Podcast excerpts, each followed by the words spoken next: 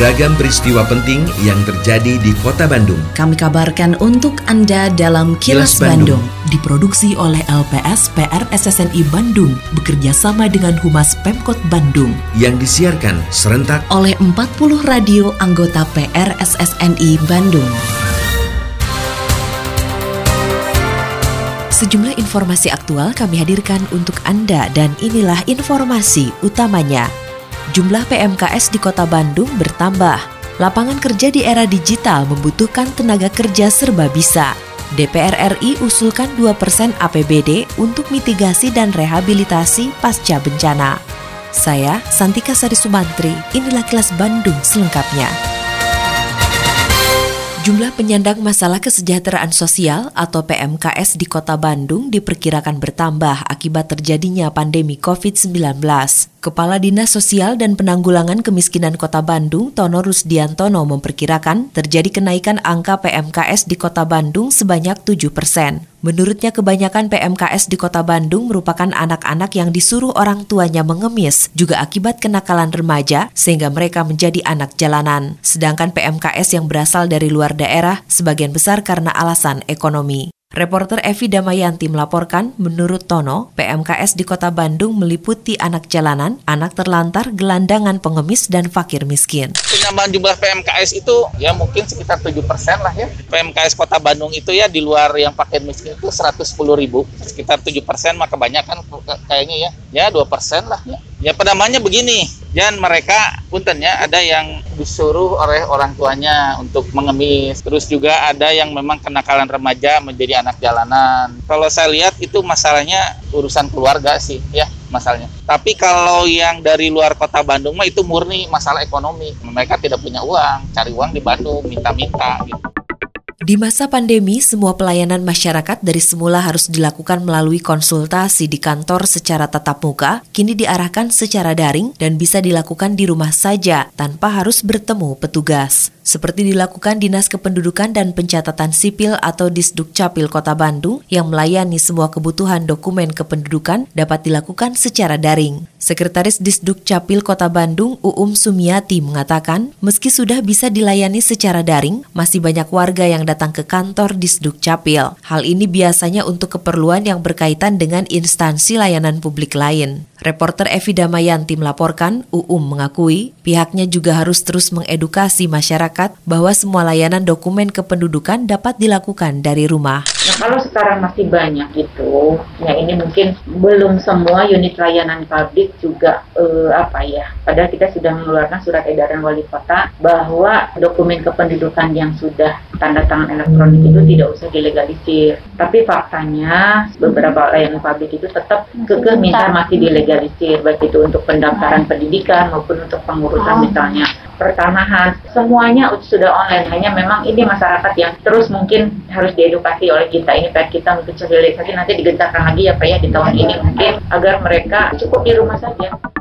Persaingan lapangan kerja semakin ketat di era digital. Oleh karenanya dibutuhkan tenaga kerja yang memiliki kemampuan serba bisa untuk mampu menjawab kebutuhan lapangan kerja yang tersedia. Kepala Bidang Penempatan Tenaga Kerja pada Dinas Tenaga Kerja Kota Bandung, Marsana, menjelaskan, di era digital saat ini, lebih banyak lapangan kerja yang membutuhkan tenaga kerja yang serba bisa atau multitasking. Namun hal tersebut belum bisa dipenuhi tenaga kerja di Kota Bandung. Reporter Agustin Purnawan melaporkan, menurut Marsana, lapangan kerja di kota Bandung sebenarnya cukup banyak terutama di bidang marketing, transportasi, ekspedisi, juga teknologi informasi. Memang ada beberapa peluang kerja, sekarang yang masih dibutuhkan di kota Bandung ini masih cukup banyak yang dibutuhkan memang untuk satu tenaga marketing, kemudian tenaga yang membutuhkan kaitannya dengan informasi dan teknologi, kemudian transportasi dan ekspedisi, kemudian secara secara umum adalah tenaga kerja yang multi skill, artinya bisa menguasai keahlian maupun menguasai teknologi. Dewan Perwakilan Rakyat Republik Indonesia atau DPR RI akan membuat aturan yang mewajibkan seluruh daerah di Indonesia melakukan simulasi kebencanaan yang dilakukan secara periodik. Ketua Panitia Kerja Revisi Undang-Undang Penanggulangan Bencana Aceh Hasan mengatakan, selain simulasi bencana secara periodik dalam revisi undang-undang tersebut, juga menyebutkan bahwa setiap daerah harus mengalokasikan anggaran 2% dari APBD untuk mitigasi dan rehabilitasi pasca bencana. Aceh yang juga Wakil Ketua Komisi 8 DPR RI beralasan banyak daerah di Indonesia tidak menganggarkan untuk mitigasi dan rehabilitasi dalam APBD, padahal wilayahnya rawan bencana. Aceh berharap dengan adanya revisi undang-undang ini, pemerintah daerah tidak lagi bergantung kepada pemerintah pusat untuk mitigasi dan rehabilitasi pasca bencana. Insya Allah kami nanti akan mencantumkan kewajiban APBD 2% untuk penanggulangan bencana Pak. Kenapa harus kami tegaskan itu? Sebab dari hasil kunjungan kami ke berbagai daerah, ya ada daerah yang rawan bencana, tapi anggaran untuk bencananya nggak ada, Pak. Untuk biaya BPBD aja, operasional BPBD. Tetapi untuk mitigasi, rehabilitasi pasca bencana, itu semua akhirnya menggantungkan diri kepada pemerintah pusat. Terkait dengan berita sebelumnya, Badan Penanggulangan Bencana Daerah atau BPBD Jawa Barat mengapresiasi upaya DPR RI yang akan mencantumkan kewajiban 2% dari anggaran pendapatan belanja daerah atau APBD untuk mitigasi dan rehabilitasi pasca bencana dalam revisi Undang-Undang Penanggulangan Bencana. Kepala Pelaksana BPBD Jawa Barat, Dani Ramdan, mengatakan hingga saat ini anggaran kebencanaan belum menjadi prioritas utama dalam APBD di daerah. Reporter Suparno Hadisa Putro melaporkan, Dani berharap dengan adanya anggaran khusus dalam APBD akan memberikan kemudahan untuk melakukan mitigasi dan rehabilitasi jika terjadi bencana. Memang anggaran bencana ini belum jadi prioritas terus terang saja karena mungkin kemampuan dan orientasi kabupaten kota juga kalau pendidikan, kesehatan sudah dicantumkan kan kan di undang-undang kan 10%, pendidikan 20%. Nah, sehingga untuk kebencanaan itu karena mungkin belum ada amat undang-undang agak kurang diperhatikan. Nah, dengan ada perubahan undang-undang mencantumkan APBN dan APBD minimal 0,2%, saya kira ini akan menjadi sumber daya yang kuat bagi kita untuk melakukan pencegahan seperti ini dan penanggulangan lebih baik. Kini, audio podcast siaran Kilas Bandung dan berbagai informasi menarik lainnya bisa Anda akses di laman kilasbandungnews.com.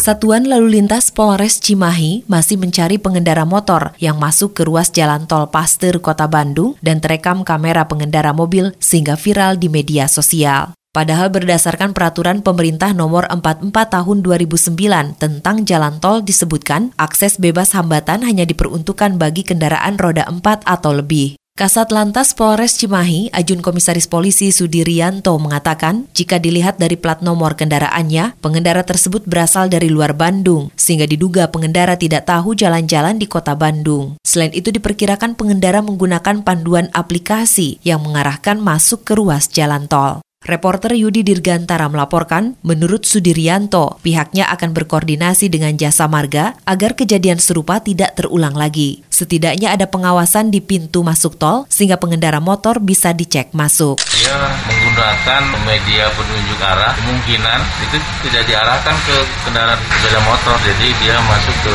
jalur tol.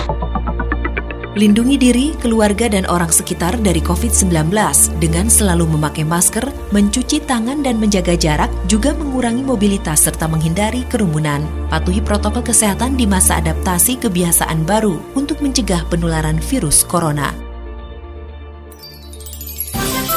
Terima kasih Anda telah menyimak Kilas Bandung bekerja sama dengan Humas Pemerintah Kota Bandung yang diproduksi oleh LPSPR SSNI Bandung.